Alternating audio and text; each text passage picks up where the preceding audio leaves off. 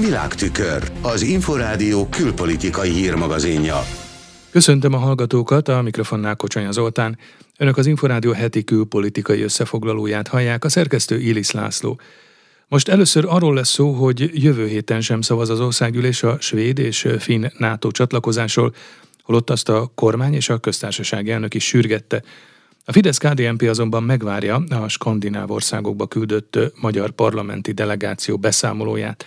Herceg Zsolt összefoglalója következik. A HVG értesült úgy, hogy a Fidesz-KDNP a március 20-ával kezdődő hétre halasztja a svéd és finn NATO csatlakozásról szóló szerződések jóváhagyását, amelyről több mint hét hónap után kezdte meg az általános vitát az országgyűlés. Kocsis Máté, a nagyobbik kormánypárt parlamenti frakció vezetője már a tavaszi ülésszak előtt jelezte, hogy a fidesz kdnp s képviselőknek fenntartásaik vannak a NATO bővítésével kapcsolatban. Többen kifogásolták, hogy ezeknek az országoknak a politikusai az elmúlt években durván, alaptalanul, sokszor közönséges módon sértegették Magyarországot, most pedig szívességet kérnek. Volt olyan vélemény is, amely szerint a belépő országok eszkalációt jelenthetnek a fennálló konfliktusban, ezeket mind nem tudjuk megítélni, nem a mi dolgunk, csak arra szerettem volna felhívni a figyelmet, hogy a miniszterelnök úr álláspontja egyértelmű, pedig a frakcióé kevésbé, de ez az elfogadás rendjét nem fogja érinteni.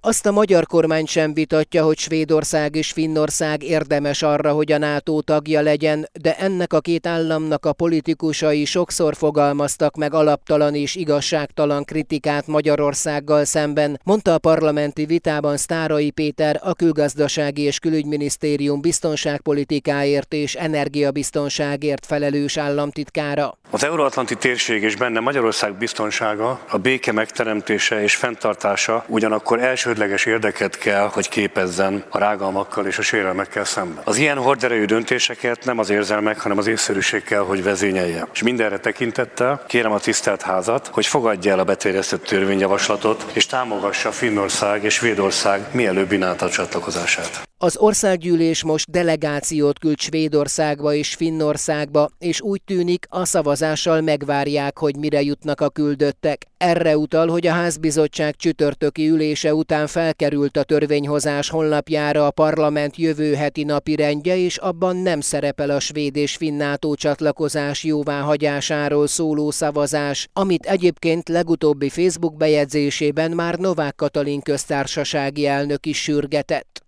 Herceg Zsolt, Inforádió 88,1. Finország és Svédország biztonságérzetét kizárólag a NATO tagság erősítheti, csatlakozásuk pedig az Észak-Atlanti Szövetséget is geopolitikai és katonai előnyökhöz juttatná, mondta az Inforádiónak a Nemzeti Közszolgálati Egyetem docense. Imre Júlia kérdezte Kaiser Ferencet. Az első és legfontosabb dolog a finn és a svéd csatlakozásnál az a geopolitikai kérdés. Jelenleg az egyik utolsó térség a Földön, ami még nincs rendesen elosztva, tehát nincsenek meghúzva az országok közötti befolyási zónák, az az északi sarkvidéki térség.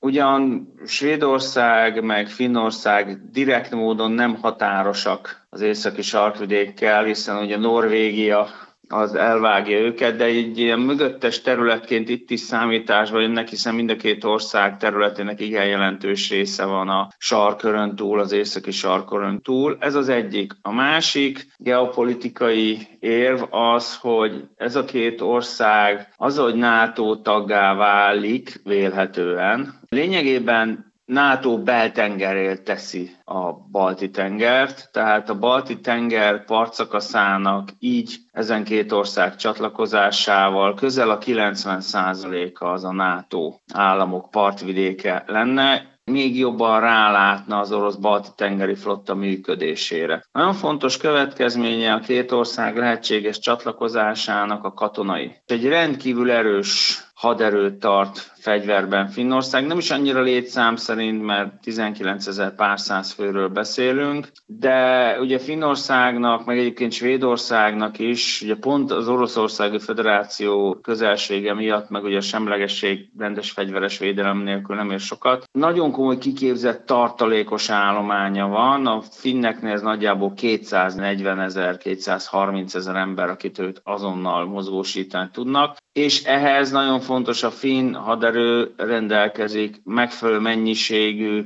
fegyverkészlettel is. A finneknek tartalékban van 100 régi leopárdjuk, és 100 jóval korszerűbb A6-os, Leopard 2 A6-os változat pedig aktív hadrendben van. Nagyon erős tüzérséggel rendelkeznek, igen komoly aknatelepítő, aknamentesítő kapacitása van a haditengerészetüknek, igen erős a légierejük, van 62 darab F-18-asuk. Ezek után viszont felmerül a kérdés, hogy Finnországnak és Svédországnak van szüksége a NATO-ra, vagy inkább fordítva a NATO-nak az ő haderejükre. Még mindig az a helyzet, hogy Finnországnak azért nagyobb szüksége van a NATO-ra, egész egyszerű okokból az adott egy biztonsági érzetet ezen országok kormányainak meg a lakosságának, hogy a nemzetközi szerződések garantálták az ő határaikat, meg az ő semleges státusukat. Na most az, hogy tavaly február 24-én az Oroszország Magyarországi Föderáció, ami körülbelül négy, lehet, hogy öt szerződésben elismerte Ukrajna határait, nyílt háborút indított, egyértelmű abból a cél, hogy Ukrajna egész területét elfoglalja, annak egy jelentős részét elszakítsa, magához csatolja, és maradékon egy orosz barát bábállamot hozzon létre. Ez azért nagyon komoly pofon volt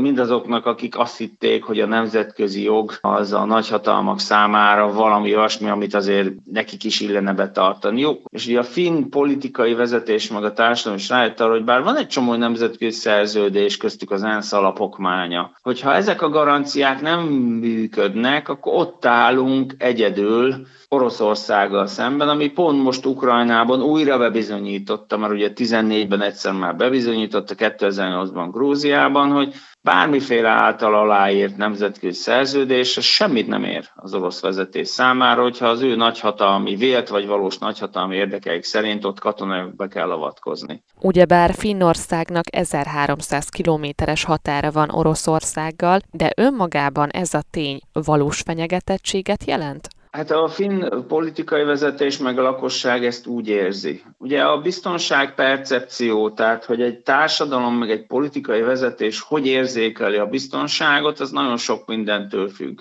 Nyilván, ha mondjuk eltelne még öt év, és addig sem kerülne sor a csatlakozásra, és ebben az öt évben Oroszország éppen nem támadna meg senkit, akkor lehet, hogy ez a fenyegetettség érzet, ez jelentősen csökkenne úgy a finn politikai elitben, úgy a finn kormányzatban, mint a finn lakosság körében. De hát azért merem remélni, hogy még négy-öt évig nem húzzák el a finn meg a svéd NATO csatlakozást. Tehát azt látni kell, hogy a legtöbb nép a saját történelmű indul ki. Tehát a finneknek azért a modernkori történelmekben mindig az oroszok voltak az ellenség. Az ellenségemtől akkor is félek, ha a józan számítások szerint nem valószínű, hogy meg fog támadni. Tehát a finnek félnek az oroszoktól, és egyébként ezzel pont így vannak a svédek is. Négy vagy öt hónapja volt egy kerekasztal beszélgetés a svéd nagykövet úrral, aki azt mondta, hogy persze, persze, azt mindenki el szokta mondani, hogy Svédország ugye a napoloni háborúk óta, 1813 óta semleges, és azóta nem vívott háborút. De a svéd-finn viszonyt, aki jobban ismeri, az azt is tudja, hogy valahányszor a finnek elkezdtek háborúzni az oroszokkal a függetlenségükért, magyarán valahányszor az oroszok megtámadták Finnországot, hogy elfoglalják, a svédek mindig segítettek. Tehát, hogy mind a két ország népességében van egy olyan biztonsági fenyegetettség érzet, most legyen ez valós vagy nem valós, ami alapján mind a két országban döntő többség támogatta a NATO csatlakozást. Kazer Ferencet, a Nemzeti Közszolgált Egyetem docensét hallották.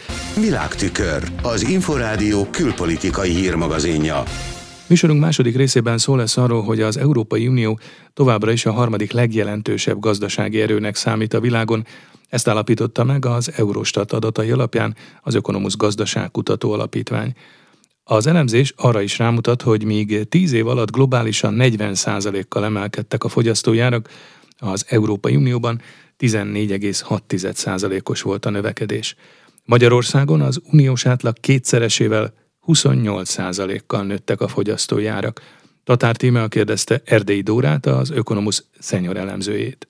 2021 elején a világon 7,9 milliárd ember élt, ezen belül az Európai Unió lakossága 447 millió fő volt, ez a világ népességének 5,7%-át tette ki. A világon csak két országnak volt nagyobb a népessége ennél, Kínának, illetve Indiának. Kínában 1,43 század milliárd ember élt 2021-ben, még Indiában 1,4 milliárdan éltek. Továbbra is a világ harmadik szereplője abban az értelemben az Európai Unió, hogy milyen mértékben részesül a GDP-ből. Mit mutatnak a számok? Az utóbbi években kismértékben csökkent az unió gazdasági súlya a világon. 2013-14-ben még a világ GDP-nek közel 20%-át adta, 2021-ben pedig 17,8%-át tette ki. Ennek ellenére a világon így is a harmadik legjelentősebb gazdaságnak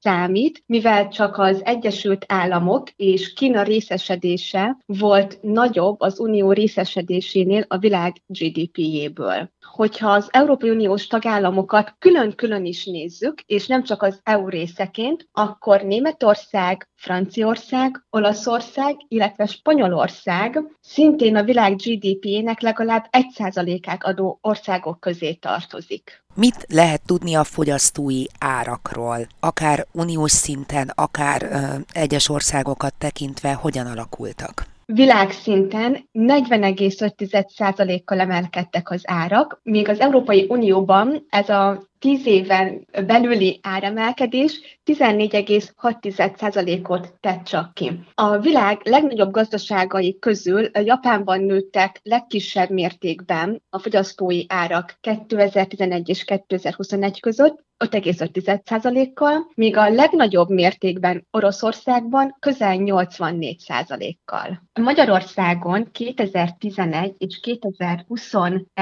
között 28%-kal nőttek a fogyasztói árak átlagosan. Ez ugyan meghaladja az Európai Unió átlagát, viszont jóval alacsonyabb a világ átlagot képviselő 40,5%-nál. Az Európai Unió külkereskedelmi áruforgalmáról mit lehet tudni? Eurostat jelentése szerint az Európai Unió tagállamai 2020-ban a világ áruexportjának 30 1,4%-át adták, még az importnak közel 30%-át. A legtöbb tagállam legnagyobb arányban egymás között EU-n belül kereskedett. Ugyanígy a szolgáltatásoknak a világkereskedelemhez mért részaránya is igen nagy volt világszinten az Európai Uniót tekintve. A világ szolgáltatás exportjának 40%-át adta az Európai Unió, míg az importjának is 39,5 százalékát. Az uniónak a legnagyobb áru export piaca az Egyesült Államok volt, míg az áruimport szempontjából Kína kiemelkedő az unió külkereskedelmét tekintve. Hogyha összességében nézzük az összes adatot, akkor mit lehet mondani, hogy csökkent, nőtt, vagy ugyanolyan az Európai Unió súlya? Az Európai Unió súlya igen jelentős mind népességet, mind gazdaságot tekintve a világon. A GDP tekintetében egy minimális visszarendeződést láthattunk az elmúlt évek során, viszont ezzel együtt is a világon a harmadik legjelentősebb gazdaságnak számít még mindig az Európai Unió. Erdei Dórát az Ökonomusz szenyor elemzőjét hallották. Világtükör az ukrajnai háború és annak gazdasági következményei miatt módosította programnyilatkozatát a cseh koalíciós kormány. A legfontosabb változások a pénzügyet, az energiaipart és az oktatásügyet érintik. A hadseregre fordított kiadások már a jövő évben elérik a GDP 2%-át, míg korábban ezzel csak 2025-ben számoltak. Kis Balázs tudósít Pozsonyból. Petr Fiala kormánya tavaly vízkereszt napján január 6-án hagyta jóvá a programnyilatkozat eredeti változatát. Azóta kitört Ukrajnában a háború, ami most arra sarkalta a kabinetet, hogy módosítson a mintegy 14 hónappal ezelőtti kormányprogramon. Az önálló Csehország több mint 30 éve íródó történetében most fordul elő először, hogy a kormány hivatalosan módosítja a programját. Václav Smolka kormányszóvivő azonban megjegyezte, hogy mindössze programmódosításról van szó, ezért a kormány nem tervezi, hogy bizalmat kérjen a parlamenttől. Naše cíle a priority, které obsahuje naše programové prohlášení, se nemění. Fő céljaink és prioritásaink nem változnak, továbbra is folytatjuk a közkiadások rendbetételét, marad az EU és a NATO orientáció, szögezte le Petro Fiala miniszterelnök. Tisztességes és szükséges lépésről van szó, csak az Európában végbe ment változásokra és új kihívásokra reagálunk, mutatott rá a jobb-közép cseh koalíciós kormány vezetője. A kabinet egyebek mellett kötelezettséget vállalt, hogy keresni fogja a lehetőséget arra, hogy az idei évre jóváhagyott 295 milliárd koronás költségvetési hiányt a jövő évben mintegy 70 milliárd koronával csökkentse. A cseh kormány már 2024-ben szeretné betartani azt a NATO tagsággal kapcsolatos kötelezettségvállalását is, hogy védelmi kiadásokra fordítja a bruttó hazai termék két százalékát. Tedy v roce 2024 a ne jak jsme původně předpokládali v roce 2025. Ezt eredetileg egy évvel később, 2025-ben terveztük, jelentette be a miniszterelnök. A kormányfő úgy fogalmazott, hogy a cseh köztársaság sokáig azon országok közé tartozott, melyek nem teljesítették kötelezettségvállalásaikat. A védelmi kiadások növelése mellett újdonság az úgynevezett gyógyszerpolitika is umožní lépe předcházet nenadálým výpadkům dodávek léku. Ennek célja, hogy elejét vegye a tömeges gyógyszerhiánynak, ahogyan az az elmúlt hónapokban történt. A kormány az energiatörvény módosítására is készül, és a szociális juttatások célzottabb elosztására törekszik. Az egyik leginkább vitatott módosítás, hogy a kormány azonnal elállna az öregségi nyugdíjak értékét megtartó eddigi szabályozástól, amely magas infláció esetén az államot megfelelő nyugdíjemelésre kötelezi. A kabinet szerint megtakarításokra van szükség, ezzel indokolja döntését. A téma egyébként már a képviselőházban van, s az ellenzék bejelentette, obstrukcióval is igyekszik megakadályozni a törvénymódosítás elfogadását. A szakszervezetek is tiltakoznak a mintegy három millió nyugdíjas megkárosítása ellen. A cseh kormány jóváhatta a vészhelyzeti tervezési rendszer módosítását is, az állami tartalékalap szerint az elmúlt évek, amelyeket a Covid-járvány és a menekültválság jellemzett, megmutatták, hogy a jelenlegi szabályozás nem elég rugalmas és nem eléggé felkészült a veszélyhelyzetekre. Petro Fiala szerint az új rendelet célja, hogy a cseh köztársaság rugalmasabbá, felkészültebbé és jobban ellátottá váljon válság esetén. Kis Balázs, Inforádió, Pozsony az Egyesült Államok és Kína viszonya már az elmúlt években sem volt feszültségektől mentes, most azonban minden jel a kereskedelmi kapcsolatok további korlátozódására utal. A Biden adminisztráció szerint Kína gazdaságpolitikája, valamint az 5G hálózatok komolyan veszélyeztetik a nyugati szövetségi rendszert. Erről az Ökonomusz Gazdaságkutató Alapítvány külső junior elemzője beszélt az Inforádiónak. Rozgonyi Ádám kérdezte Fetter Bálintot. Nem a Huawei az első egyébként a kínai vállalkozások közül, amelyikkel kapcsolatban ez a gyanú felmerült. Gondoljunk csak például a TikTokra, ez a vád rájuk is állt már, de visszatérve a Huawei-re, több esetben felmerült már velük kapcsolatban kiberbűncselekmények, tehát például kémkedés vagy szellemi tulajdon ellopásának a vágya. A leghíresebb precedensek egyébként 2017-ben, valamint 2003-ban merültek fel, amikor is először a T-Mobile, utána pedig a Cisco Systems gyanú gyanúsította meg őket szellemi tulajdon eltulajdonításával. Ezért gondolják sokan az USA-ban és egyébként Európában is, hogy a Huawei tulajdonképpen a kínai kommunista pártnak egy úgynevezett meghosszabbított keze, amely valódi nemzetbiztonsági kockázatot jelent. De nem, nem csak az Egyesült Államokból akarnak ugye információkat szerezni, hanem tulajdonképpen az egész világ felhasználják. E, így van, ez egy globális jelenségnek tekinthető, viszont a legkomolyabb lépéseket velük szemben egyértelműen az USA tette meg, ugyanis az Egyesült Egyesült Államoknak van egy úgynevezett,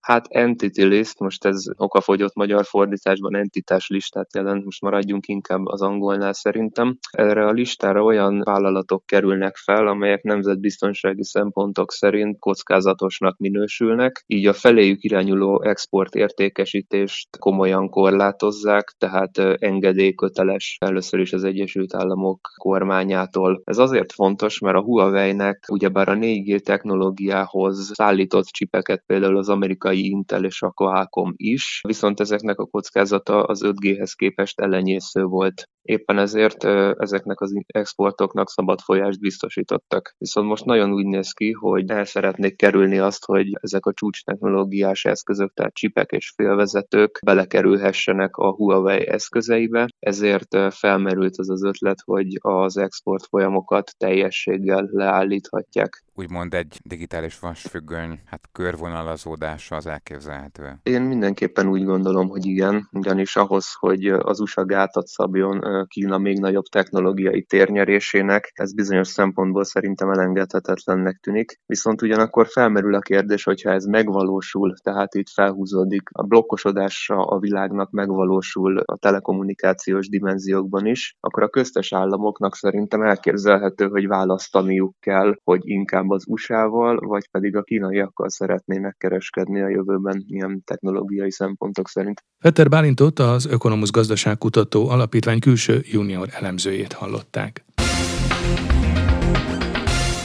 Ez volt az Inforádió heti külpolitikai összefoglalója. A szerkesztő Ilis László, a műsorvezető Kocsonya Zoltán volt. Köszönöm, hogy velünk tartottak. Viszont hallásra! Önök az Inforádió világtükör című külpolitikai hírmagazinját hallották.